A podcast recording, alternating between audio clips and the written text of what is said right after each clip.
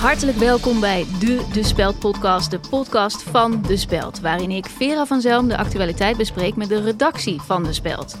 Vandaag in de De Speld podcast spreek ik met onze man van de Joie de Vivre en buitenlandcorrespondent Jos Maalderink over de ontwikkelingen in Cuba. Ik bel met financiële en saaie man Melle voor een functioneringsgesprek en ons zonnetje in huis, Jan van Tienen, doet een zomercolumn. Maar eerst, er is geen ontsnappen aan in elke podcast. Op een gegeven moment schuift een BN'er aan. Bij ons aan tafel zit zomaar een BN'er, namelijk Jennifer Hofman. Welkom.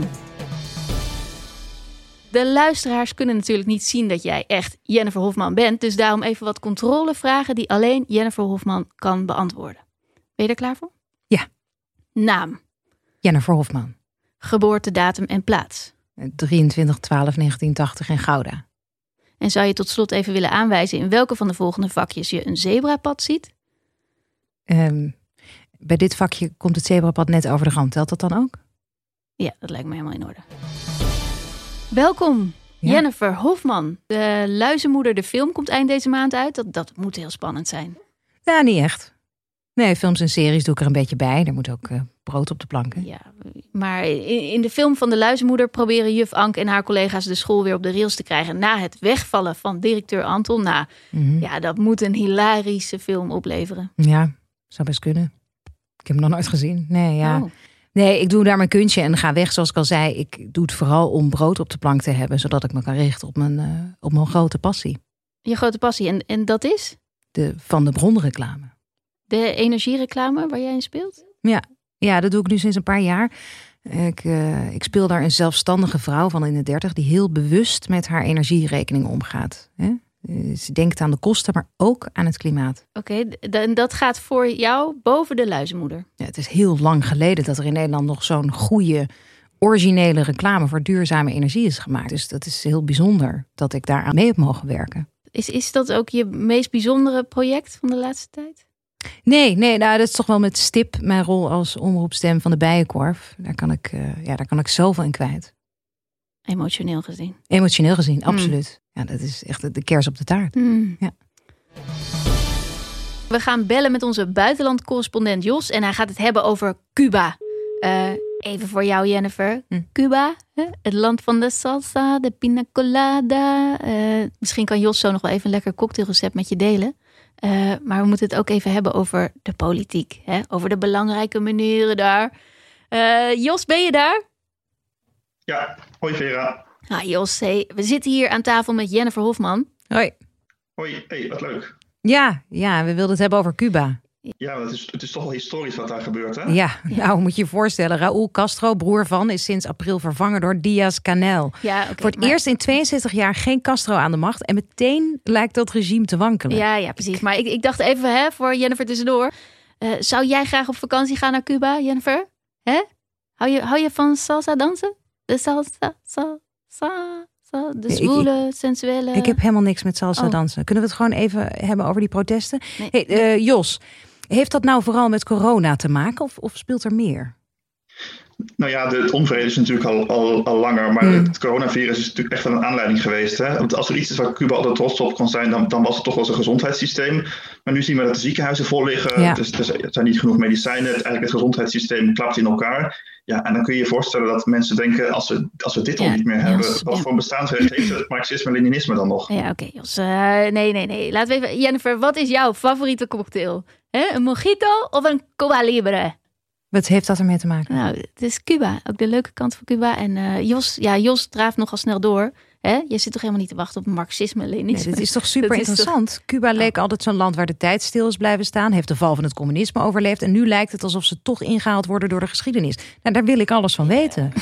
Ja, ik ook hè. Ja. Je moet ook niet vergeten dat Cuba nog altijd een supergrote ideologische rol speelt in andere landen in de regio. Hè? Ja, Ja, eh, Nicaragua, Venezuela. Ja. Ja, precies. Ik bedoel, zonder Cubaanse steun hadden Maduro en Ortega daar nooit zo stevig in het zadel gezeten. Nee. Ik denk toch echt dat die in deze dagen niet goed slapen. Ja, oké. Dankjewel Jos. We hebben niet zoveel tijd, dus we gaan dit helaas afkappen. Hoezo? Het werd toch net interessant? Nou, als jullie verder willen praten over het marxisme-leninisme, eh, dan kan dat na de uitzending. We gaan Oh, nu door met Jennifer Hofman natuurlijk, want die zit hier aan tafel. Hè? Jennifer Hofman, ik kan de naam niet vaak genoeg noemen. Eh, Jennifer Hofman, Je hebt een kind gekregen. Heet die ook Jennifer Hofman? Is het, uh, is het, is het, is het Jennifer of Jennifer?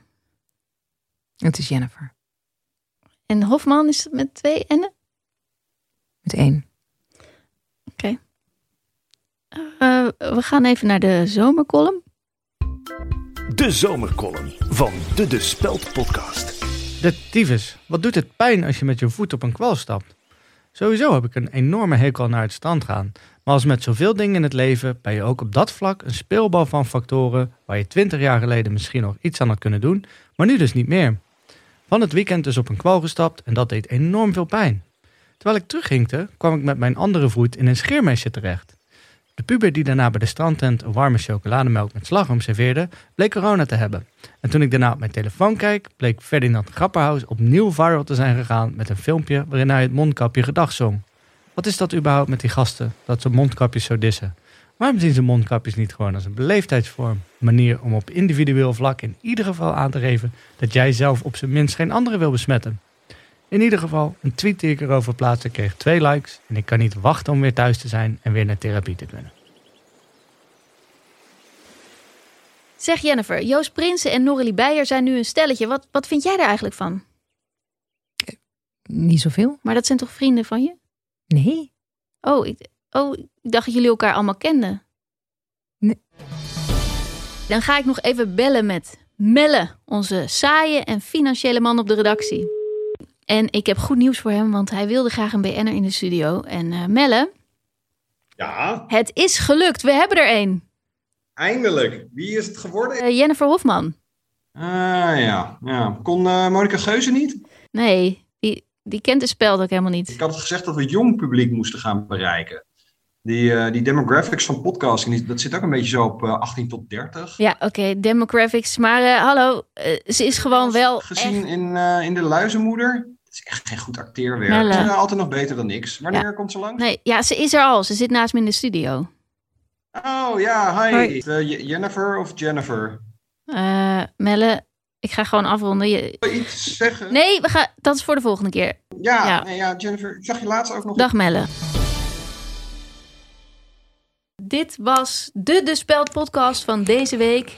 Eh, met de gast... Wat eh, ben je nou aan het doen? Aan het golven. Ja, oh ja, zie je het ja.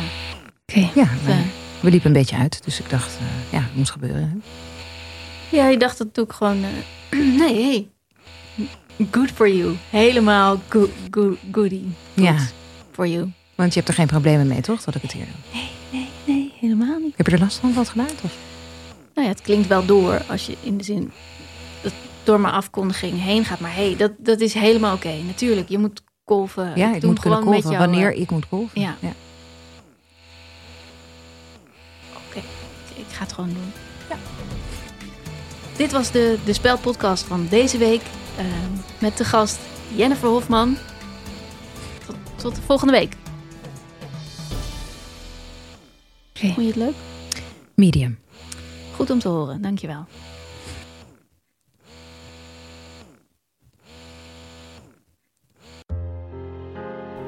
Ben jij ook zo'n fan van De Speld? En leid je ook aan slapeloosheid? Kom dan naar de grote De Speld Middernachtquiz. Een wervelende liveshow vol uitdagende vragen.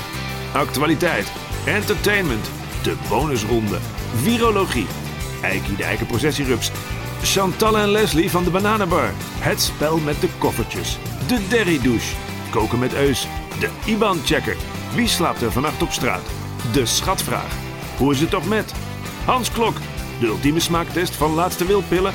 En natuurlijk het finale spel met de hoepel. Dit allemaal helemaal live. Om middernacht op vrijdag 30 en zaterdag 31 juli. Tijdens het Boom Chicago Comedy Festival. Kijk op https boomchicago.nl slash de-speld-nieuwsquiz slash nieuws met NWS.